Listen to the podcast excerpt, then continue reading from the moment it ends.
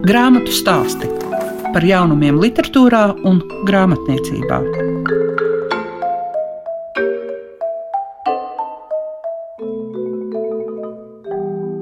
pienācis brīdis grāmatu stāstiem, protams, ja jūs esat klasikas klausītājs. Un šodien es liegu piešiņa piedāvāšu iepazīt kaķu dzīvi, jo Grigorijs Služīķeļs ir uzrakstījis savēlīja dienas, un tās ir nonākušas pie latviešu lasītājiem. Kā arī atvērsim Latvijas Nacionālās bibliotekas zinātnisko rakstu sējumu, un tas šai reizē ir veltīts Latvijā dzimušā vācu baltiešu mākslinieka, dzēnieka, un ceļojuma apraksta autora Karla Gotthārda Grasa Dairadē. Grāmatu stāsti tiem, kam grāmatu lasīšana ir vērtība. Šīs dienas grāmatu stāstus mēs sāksim ar stāstiem par kaķiem. Godīgi runājot par kaķiem un cilvēkiem, kā vieni tā otri attēlo kāda cita dzīve. Tā ir rakstīts uz Grigorija Služīķeļa grāmatas savēlīja dienas vāka, un jāsaka, ka tik apburošu stāstu, kas it kā stāstot par kaķiem, īstenībā stāsta par cilvēku dzīvi, par likteni, par to, kā var kādas likumsakarības ieraudzīt. Tas ir vienkārši fantastiski. Grāmata, kur ir tapusi 2018. gadā, tā tad arī pavisam jauna, aizved mūs uz Krieviju. Grāmatai arī ir ļoti interesants priekšvārds, kur ir rakstījis Jevģīnijas Vodolaskins, man liekas, ka šis ievads varētu būt arī kā tādi atslēgas vārdi, kāpēc šo grāmatu noteikti vajag izlasīt, un viņi saliek mazliet savādākus akcentus nekā mēs, latvieši, esam pieņēmuši. Vai tam piekrīt Renāta Punka, kuru grāmatu ir latviskojusi? Jā, nu, Jevģēnijas Vodolaskins kā grāmatas krustās man šķiet diezgan daudzās valstīs ir garantija, ka šo grāmatu ir vērts paņemt rokā, pašķirstīt un droši vien arī tajā iemīlēties, jo pats viņš ir arī izcils rakstnieks, daudz balvu laureāts un ļoti, ļoti daudz lasošs un prasīgs pret literatūru. Jāsaka gan, ka lasot intervijas ar Grigorijas Lužīķeļu, es uzzināju, ka faktiski līdz Vodolaskinam šo manuskriptu ir no novedusi vēl viena mūsu apgāda izdota krievu rakstniece, proti, Marina Stepnova, kuras Lazars sievietes un bezdievu iela lasītājiem arī droši vien ir iespiedušās atmiņā. Proti, mēs tagad runājam jau par veselu trijotni, un ja divi šie jau atzītie, talantīgie, pasaulē pazīstamie cilvēki saka, ka jūsu priekšā ir pārsteidzošs tīratnis, kas ir tik tiešām uzskatāms par vienu no pēdējā laika krievu literatūras sensācijām, diskusijām, tad eh, laikam jau viņiem ir vērts noticēt. Jo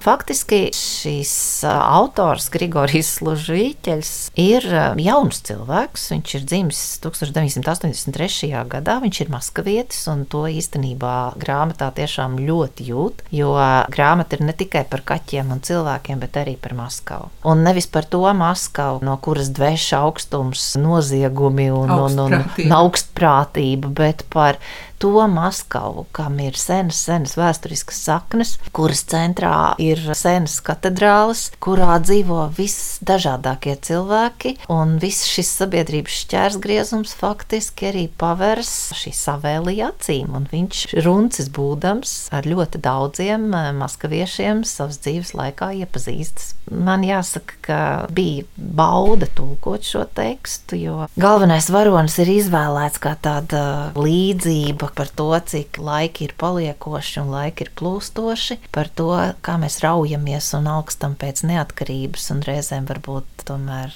gribam no šīs individuālās neatkarības atkal atteikties un meklējam savu ideālo ceļa biedru, par to, cik savādi saliekas liktenis reizēm. Man sen nebija gadījies lasīt grāmatu, kurā šķietami vienkāršs sižets ir izstāstīts tik bagātīgi un tik niansēti, ka tu smejies, tu brīžam mazliet noraus kādu asariņu sevišķi uz grāmatas beigām, bet būtībā tu ceļo līdzi šim neatkarīgajam kaķim, kurš piedzimst uz ielas. Zem Zaporožets. Zem Zaporožets, banānu kastē, un kurš ir nosaukts par godu visu Maskavas kaķu iemīļotākajam ēdienam, viespienam savuška. Bet visi tie viņa vērojumi un spriedumi, viņš piedzimst redzīgs, kas, protams, kaķim ir tāda īpaša rakstura īpašība, un, un šis redzīgums viņu pavada visu mūžu, viņš saprot un samana dažādas interesantas iezīmes gan cilvēkos, gan arī savos kolēģos kaķos. Jā, tā ir tāda brīnišķīga, lūstoša, ar krāšņiem aprakstiem, ar ļoti tādām spirdzinošām un, un spridzīgām epizodēm pārbagāta grāmata. Daži kritiķi ir bijuši tādā mazā neizpratnē, jāsaka, pēc grāmatas iznākšanas viena daļa no tiem nopietnajiem kritiķiem, kuri vērtē Zolīdas krievu autoru grāmatas, īsti nav sapratuši, nu, ko lai tagad iesāk. Nu, grāmata ir par kaķīšiem, un te pašā laikā nav par kaķīšiem. Grāmata it kā ir ļoti nopietna, te pašā laikā tā ir mazliet arī evrģēlīga. Vienai daļai varbūt tieši galvenā varoņa izvēle nav likusi būt labvēlīga autoram, bet visi ir vienisprātis par to, ka viņš ļoti labi prot aprakstīt, ka viņš ir dzimis stāstnieks. Nu, un, ja vēl pieminam, ka pēc profesijas un pēc sava pirmā aroda Grigorijs Lužiķeļs ir Krievijas Teātra mākslas institūta absolvents un teātra mākslas studijas aktieris, un vēl viņš arī dzied diezgan tādā ekstravagantā grupā OKC. Nu, jā, tā ir tiešām spilgta personība, kura ienāca literatūrā un lika Vadolaskinam viņam pajautāt, nu, cik tad eh, manuskriptus pirms šīs pirmās grāmatas izdošanas jūs noglabājāt atvilknē vai uzticējāt papīrgrozam. Viņš bija atbildējis, ka nevienu. Un tas ir tas pārsteidzošākais. Tā kā ļaujieties pārsteigumam. Es piedaru pie tiem, kam lasīt grāmatas, kad dzīvnieks tiek personificēts ar cilvēku īpašībām ļoti izteikti. Nu, es neesmu liela šī žanra piekritēja, un tomēr šeit ir kaut kāda šī atšķirība. Vai tu esi padomājis, vai tu kā tulkotāji arī vari saprast, kur ir tā būtiskākā atšķirība? Nu, no vienas puses, autors ļoti labi saprot kaķus. Man šķiet, viņš ir arī kaķus vērojis, un viņš viņus uztver kaut kā ļoti, ļoti radniecīgi. Tā pašā laikā viņš nemēģina izlikties par kaķi. Viņš ir Grigorijs Lužīķeļs, kuram ir gadījies izstāstīt šo stāstu, paraudzīties uz šo pasauli kaķa acīm. Viņš neizlieks par kaķi, bet visi šie stāsti, ko šis kaķis piedzīvo, viņi ir tik pilnasinīgi, viņi ir tik eh, dažādi, daudzveidīgi. Un, nu, ja mēs tā runājam par to, ka kaķim ir deviņas dzīvības, kā sakām, vārds vēst, grāmatā ir desmit nodaļas, kas īstenībā ir zīmīgi. Man šķiet, ka Katra no šīm nodaļām ir ar citu tādu toņu kārtu. Tur ir arī viens mūzikas skaņdarbs, kas ir ārkārtīgi būtisks caurvīs skaņdarbs. Par to arī intervijās parādās, ka sākumā Služīķis ir šo skaņdarbu vienu no Vivaldī skaņdarba fragmentiem izraudzījies par to caurvīju tēmu. Pēc tam viņš ir mēģinājis, nu, domās, ka varbūt aizstās ar kādu bahu, bet tad nolēms, ka tomēr nē, ka šis amorozo ir tas motīvs, kas skanēs cauri visai grāmatai un visai savēlī dzīvei. Jā, šādu sasaukšanos, likumsakarību meklēšanu, liktenīgo nejaušību, izgaismošanu, nu, no tādām man šķiet, ka sastāv ļoti, ļoti daudz cilvēku dzīves, un mēs varam būt ļoti pareizi un erudīti, vai mēs varam būt arī ļoti emocionāli un māņticīgi, bet mūsos visas šīs šķautnes slēpjas tikai kura izgaismojas vairāk katrā no lasītājiem, potenciālajiem. Tas ir viņa personības jautājums. Un man šķiet, ka tik krāšņa un tik ļoti cilvēcīgi kaķiska grāmata, jā, tā ir liels retums. Kā jau pats Vodolaskins uz grāmatas vāka saka, kaķu literatūrā nav svaiga un novatoriska tēma, un viņš atzīstas, ka viņš pats veido tādu sarakstu par literāriem darbiem, kuros šie kaķi lielākā vai mazākā mērā spēlē spēlē būtisku lomu, bet eh, tāpat arī gandrīz katrā šādā grāmatā caur kaķa veidolam ik pa laiciņam pavīd arī cilvēku iezīmes. Bet služīķeļu varoņi, vai tie būtu kaķi vai cilvēki, tie ir īsti. Viņi ir vientuļi, ciešana mocīti, smejoši, mīloši. Un par mīlestību šai romānā ir jāpasaka īpaši. Tā nu ir sagadījies, ka tā ir platoniska, un tā ir augstākā no visām mīlestībām. Tur tādas epizodes, kas ir fantastiskas, arī rada sajūtas par pastaigām, jo šis pats Savēlīs, kurš mīl savu krustmāti kaķeni, viņš īstenībā vairāk par to tomēr mīl ceļu pie viņas. Tāda atslēgas vārdi, kas liek tev saprast, kā tu uztver dzīvi. Jā, nu, mēs nonākam ļoti dažādās vietās, gan caur savēlī, gan caur viņa mīļotās kaķenītes dzīves stāstiem. Mēs iepazīstam ļoti, ļoti dažādas situācijas, kādās notiek šī maskaviešu sadzīve. Un, nu, man šķiet, ka īstenībā tas kokteils, no kā sastāv stāsts, viņš ir ārkārtīgi pareizās proporcijās. Tur ir gan maskava, atsevišķie epizodiskie stāstiņi, kuri dzen šo vēstījumu uz priekšu. Tur Tāpat ir šīs emocionālās epizodes, kuras mums liek apstāties mazliet, ievilkt telpu, pārdomāt, varbūt atcerēties kaut kādas situācijas pašam savā dzīvē un domāt, kā es būtu rīkojies, bet vai arī skat, kā tas tiešām ne tikai man tā gadās. Un, protams, arī dzirkstījošs humors, tur ir epizodes, kur tiešām līdz asarām var smieties un priecāties par lietām. Un tā pašā laikā mēs arī zinām un jūtam, ka autors daudz ir lasījis, viņam ir šie iedvesmas iedvesmas avoti, un Savēlīs arī prot lasīt. Viņš pārzina literatūru, un, un tur ir daži tādi ļoti, ļoti viltīgi citāti, kur mums pat nācās reizēm izlīdzēties ar zemesvītras piezīmēm, jo krievu valodā ir dažiem vārdiem tādas nozīmes, kur viens vārds nozīmē divas ļoti, ļoti dažādas lietas, un latviešu valodā, diemžēl, vienu tādu vārdu izlīdzēties nevar. Jau arī literārie aģenti teica, jā, jā, doma ir pareiza, tieši tāds mājiens tur ir ietverts, bet kā jūs tiksiet galā, mēs nezinām. Tā kā bija arī šādi izaicinājumi. Man liekas, ka tas, ko šobrīd dara arī eh, dažādi teātri Latvijā, kuri ielasa grāmatas un tās mums piedāvā, un tad iznāk tāda kā pievienotā vērtība. Šī gadījumā šī pievienotā vērtība ir pats autors Grigorijs Lužīķeļs, jo viņš izmanto labāko no aktiera un interesantāko mums no rakstnieka puses. Un kā tāds salikums viņš rada savu pasauli, kurā mums kā lasītājiem ir interesanti. Grāmatu stāsti programmā Klasika. Latvijas Nacionālās Bibliotēkas zinātniskie raksti jaunākais numurs ir veltīts dzinējam un māksliniekam Karlam Gotthardam Grasam. Un, ja ir jāprecizē viņa dzīves dati, tad tas ir 18. un 19. gadsimts no 1767. līdz 1814.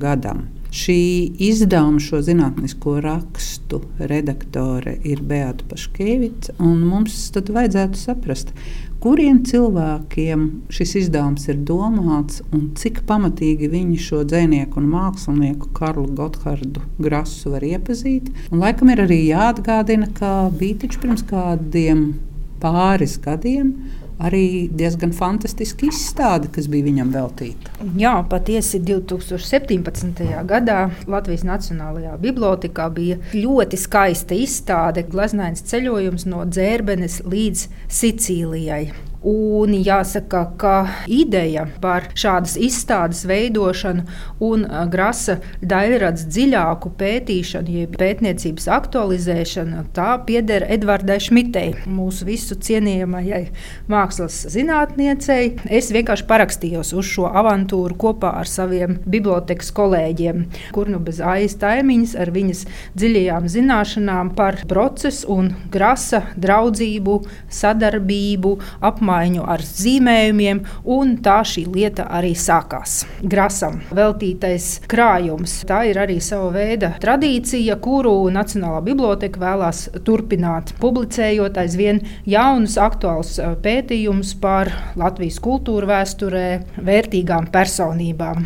Nu, jā, un viena no šīm personībām, kuri ir patiesi mūsu zelta fonds, tas ir Karls Gotthārds Grass, mākslinieks, kura glezna runas var aplūkot arī mūsu Nacionālajā Mākslas muzejā, bet tās ir arī daudzas gājušas eh, zudībā. Tās varētu būt vēl kaut kur atrodamas visā Eiropā. Katrā gadījumā ir meklējamas mākslinieks, kurš eh, dzimis dzērbenē, ļoti gleznainajā, skaistajā dzērbenē, mācītāja ģimenē, un pēc tam devies sevis meklējuma gaitās uz Šveici, uz Itāliju. Viņš arī Itālijā izbeidza savus dzīves gaitas 1814. gadā. Un viņam tajā brīdī ir tikai 46, 47 gadi. Jā, viņš uh, mīra jauns. Protams, tam laikam tas nu, nav nekāds brīnums brīnums. Jā, tāds uh, fakts, ka savā dzīves tajā otrajā pusē, kad jau viņš bija Itālijā, esot vēlējies tomēr atgriezties dzimtenē. Šis krājums ir daudzvalodīgs. Nu, jā, tas jau kā modernā laikmetā, bet arī grasa laikā. Tas vispār ir ļoti raksturīgi grasa laikam, jo tur arī bija šīs saskarsmes valodas mūsu zemē. Protams, tā bija latviešu valoda un vācu valoda, bet, kā mēs zinām, valdīja arī franču valoda un krievu valoda un zviedru valoda kaut kur parādījās. Tas nav nekas īpašs. Un, lūk, mēs sekojam šai tradīcijai. Drīzāk sakot, vienkārši tā ir tāda dzīves nepieciešamība, jo eh, mums eh, starptautiskajā konferencē, kura notika vienlaicīgi ar izstādi, pulcējās cilvēki Un pētnieki no Šveices, no Itālijas, no Igaunijas un no Latvijas. Tātad būtībā tās zemes, kuru kultūra vēsturē Grāss ir ierakstījis kādu mazu lapusīti arī no sevis. Un tāpēc mēs izvēlējāmies tādu principu, kādā valodā cilvēks runāja konferencē, tā mēs arī publicējam šo viņa pētījumu. Nedaudz arī ar tādu domu, ka šo krājumu varēs popularizēt Vācijā, Šveicē Un mēs arī varbūt ceram uz kādu recenziju no turienes pētniekiem. Tas būtībā ir ļoti svarīgi tādai starptautiskai zinātniskai apritei. Un um, tie, kam būs liela vēlme, tie lūgs arī savus draugus un viņiem patulkos, ja būs tāda vēlēšanās. Varbūt tu vari arī noraksturot to, ko ir izdarījis Aija Taimiņa. Jā, Aija Taimiņa, viņai pašai, protams, jārunā par savu pētījumu. Es varu tikai pieminēt to, ka tas ir daudzu gadu viņas ļoti skrupulos darbs. Droši vien viņai bija arī priekšteči jau pat šī darba veikšanā, jo viņa Johana Kristofa Broces monumente krājumā ir izraudzījusi tās bildes, tos attēlus, kuri varētu būt grasa iniciēti vai arī grasa zīmēti. Tātad viņa ir atributējusi šos zīmējumus. Un to ir gana daudz. Varbūt daudziem tas būs pat pārsteigums, ka broce īsti nav broce, bet tas ir vairāku zīmētāju kopdarbs. Tur ir arī Grasa un arī broces draugs Johans Vilhelms Krause. Jā, viņa ir uztaisījusi arī tādu attēlu bibliogrāfiju, un to mēs varam skatīt šajā krājumā. Vienā sadaļā ir Grasa oriģināla darbi, Tad ir procesa kopijas pēc grasa, tur, kur viņš pats ar savu roku broci ir piezīmējis pēc grasa. Un vēl tādi zīmējumi, kuri iespējams varētu būt grasa darbi. Nu, lūk, jā, un, protams, viss arī tiek aprakstīts un ļoti skaisti domāts par antikvārisma virzienu mākslā, par to, kādas figūras ir attēlotas šajos zīmējumos, par laikmetu, par draudzību. Tāds ļoti skaists un patīkami lasāms darbs. Kas ir tas, kas pasaule vairāk pasaules pētniekus un šīs konferences dalībniekus ir interesējis saistībā ar Karlu Gotthārdu Grasu? Zināmākais un tāds prominentākais grasa biogrāfijas moments ir draudzība ar Friedrichu Schilleru. Friedrichs Schillers jau gan eh, ir, varētu teikt, savas daļradas tādā beigu posmā, īsi pirms nāves, bet viņš ļoti ciena jauno grasu. Grasa sūta viņam dzējoļus, sūta arī savus zīmējumus. Ir notikusi arī tikšanās ar Johanu Wolfgangu Gēti. Protams, tas prominentākais moments, kas piesaista piemēram vācu pētniekus, jo, ja kas ir saistīts ar Šilleru un Gētas vārdu, tad katrā gadījumā tiek izpētīts līdz vissīkākajai detaļai. Un Gras ir šī tomēr sīkā detaļa, bet arī savā ziņā nozīmīgā detaļa. Un otrs, protams, viņš ir mākslinieks, viņš ir darinājis lielās eļļas gleznas Itālijas ainavas, un šīs Itālijas ainavas nav ne ar ko sliktāks par pārējo mākslinieku, tā laika mākslinieku lielo vārdu Itālijas ainavām. Un, lūk, šai sakarā Grass tiek pētīts un skatīts. Kā arī viņš ir viens no pirmajiem, kas ir ļoti iemīlējis Šveici un rakstījis aprakstus par Šveici. Tie ceļojuma apraksti tādā mūsu kontekstā viņš ir viens no pirmajiem, kas ir drukājis savus ceļojuma aprakstus, tātad mūsu turisma ceļvežu priekšvēstnesis. Un arī jēdziens Vidzemes Šveice, tas varētu būt arī attiecināms uz grasu. Siguldas apkārtne, pilsdrupas un viss, kas tajā laikā tika romantizēts un zīmēts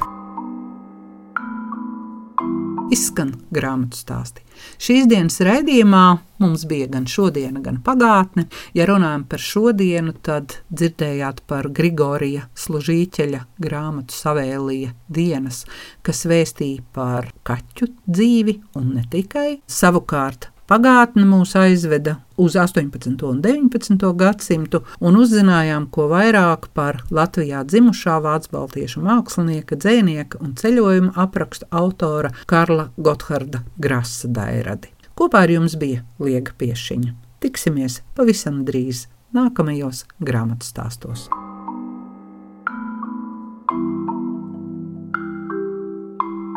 Grāmatu stāsti par jaunumiem literatūrā un grāmatniecībā ik trešdien, 9.5. ar atkārtojumu Svētdien, 18.15.